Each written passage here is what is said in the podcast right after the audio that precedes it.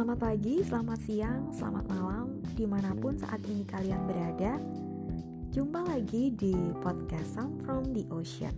Nah, di episode kali ini saya akan membahas mengenai mamalia laut terdampar. Akhir-akhir ini banyak diberitakan adanya kejadian mamalia laut yang terdampar.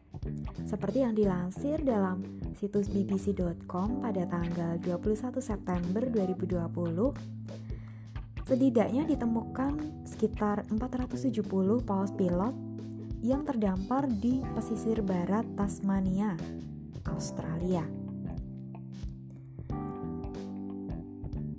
Para pejabat Tasmania mengatakan upaya penyelamatan ini akan terus berlangsung selama masih ada paus yang hidup. Bila masih ada paus yang masih hidup dan berada di air, kami masih memiliki harapan. Namun, terkadang dengan berjalannya waktu, hewan-hewan ini semakin lelah. Demikian kata Nick Deka, seorang manajer regional Badan Satwa Liar Tasmania. Sejauh ini masih belum diketahui mengapa paus-paus ini sampai terdampar. Kasus paus terdampar ini adalah salah satu yang terbesar yang pernah tercatat di dunia, lebih dari rekor di mana sebanyak 320 paus di Australia Barat yang terjadi pada tahun 1996. Kejadian kawanan paus terdampar tersebut biasanya terjadi di wilayah itu. Namun, kejadian yang melibatkan banyak paus sekaligus belum pernah terjadi selama lebih dari satu dekade ini. Kejadian massal terakhir di Tasmania tercatat pada tahun 2009 ketika 200 ekor paus ditemukan terdampar di Tasmania, Australia. Nah, sementara itu di Indonesia pun akhir-akhir ini juga banyak ditemukan kejadian paus terdampar. Dari ratusan peristiwa yang terjadi di wilayah Indonesia pada belasan tahun terakhir ini, sebagian besar belum diketahui penyebabnya. Dwi Suprapti, seorang dokter hewan, peneliti penyu dan mamalia laut dari WWF Indonesia, merekap kasus mamalia laut terdampar di Indonesia dalam rentang waktu setiap lima tahun. Pada tahun 2006 sampai 2011 ada 79 laporan. Pada tahun 2011 sampai 2015 meningkat menjadi 93 laporan dan pada tahun 2016 sampai 2019 sudah ada 304 kejadian. Kejadian terdampar ini tidak hanya tentang keselamatan hewan, tetapi juga tentang mencari tahu penyebabnya. Ada beberapa indikasi penyebabnya, antara lain yang pertama yaitu indikasi pencemaran laut karena limbah, terutama limbah plastik. Limbah plastik ini banyak termakan oleh mamalia laut dan akhirnya menyumbat saluran pencernaan hingga menyebabkan malnutrisi bahkan infeksi. Pencemaran kimia juga dapat menyebabkan infeksi bahkan stres pada mamalia laut. Kemudian indikasi penyebab lainnya yaitu adanya cuaca ekstrim, kebisingan, dan gempa dasar laut. Faktor ini secara tidak langsung berkaitan dengan kejadian terdampar. Hal itu menyebabkan mamalia laut mengalami disorientasi, bergerak terlalu aktif, dan kelelahan kemudian terdampar. Mamalia laut mencari makan menggunakan sonar, jadi jika ada kebisingan di habitatnya, maka hal ini dapat mengganggu arah pergerakannya.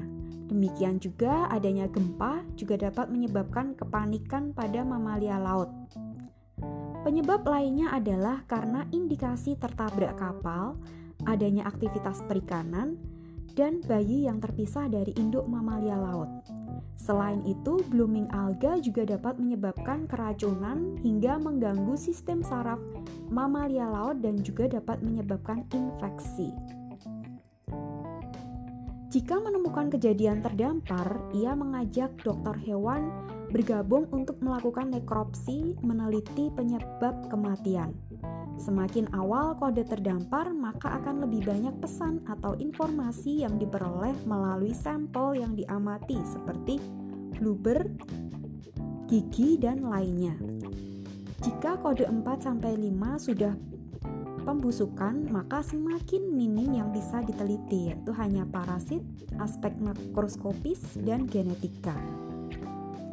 Pada lima tahun terakhir yaitu tahun 2015 sampai 2019 terdapat 304 kejadian di mana 80% tidak terjawab penyebabnya karena adanya keterbatasan biaya, sumber daya manusia, dan informasi.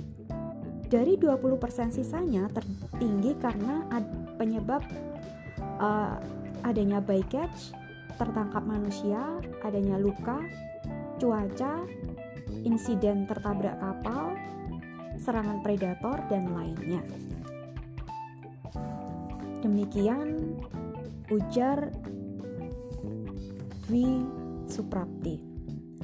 Kemudian, Direktur Jenderal Pengelolaan Ruang Laut Kementerian Kelautan Perikanan Aryo Hanggono mengatakan, mamalia laut sangat penting bagi keseimbangan ekosistem laut. Menurut Aryo, mamalia laut merupakan salah satu komponen kunci dalam rantai makanan bersama dengan predator utama lainnya. Jika populasi cetasea ini terganggu, maka dapat menyebabkan terganggunya rantai makanan secara keseluruhan. Direktur Konservasi dan Keanekaragaman Hayati Laut Andi Rusandi menilai kejadian terdamparnya mamalia laut dapat merepresentasikan kondisi perairan laut Laut Indonesia menjadi rumahnya mamalia laut. Tetapi belakangan ini sering terjadi kejadian mamalia laut terdampar, demikian ujar Andi. Andi juga menjelaskan bahwa bangkai mamalia laut terdampar dapat membahayakan masyarakat di sekitar lokasi jika tidak segera ditangani. Mamalia laut dapat membusuk dengan cepat bahkan bisa meledak karena pelutnya berisi gas dan bahayanya isi perutnya juga membawa bakteri yang berbahaya bagi manusia. Nah, sehingga sangat perlu uh, suatu koordinasi antara masyarakat setempat di daerah kejadian maupun dengan uh, stakeholder terkait. Demikian informasi dari Sound from the Ocean. Nantikan informasi selanjutnya. Salam kelautan, Charles Veva Jayamahe.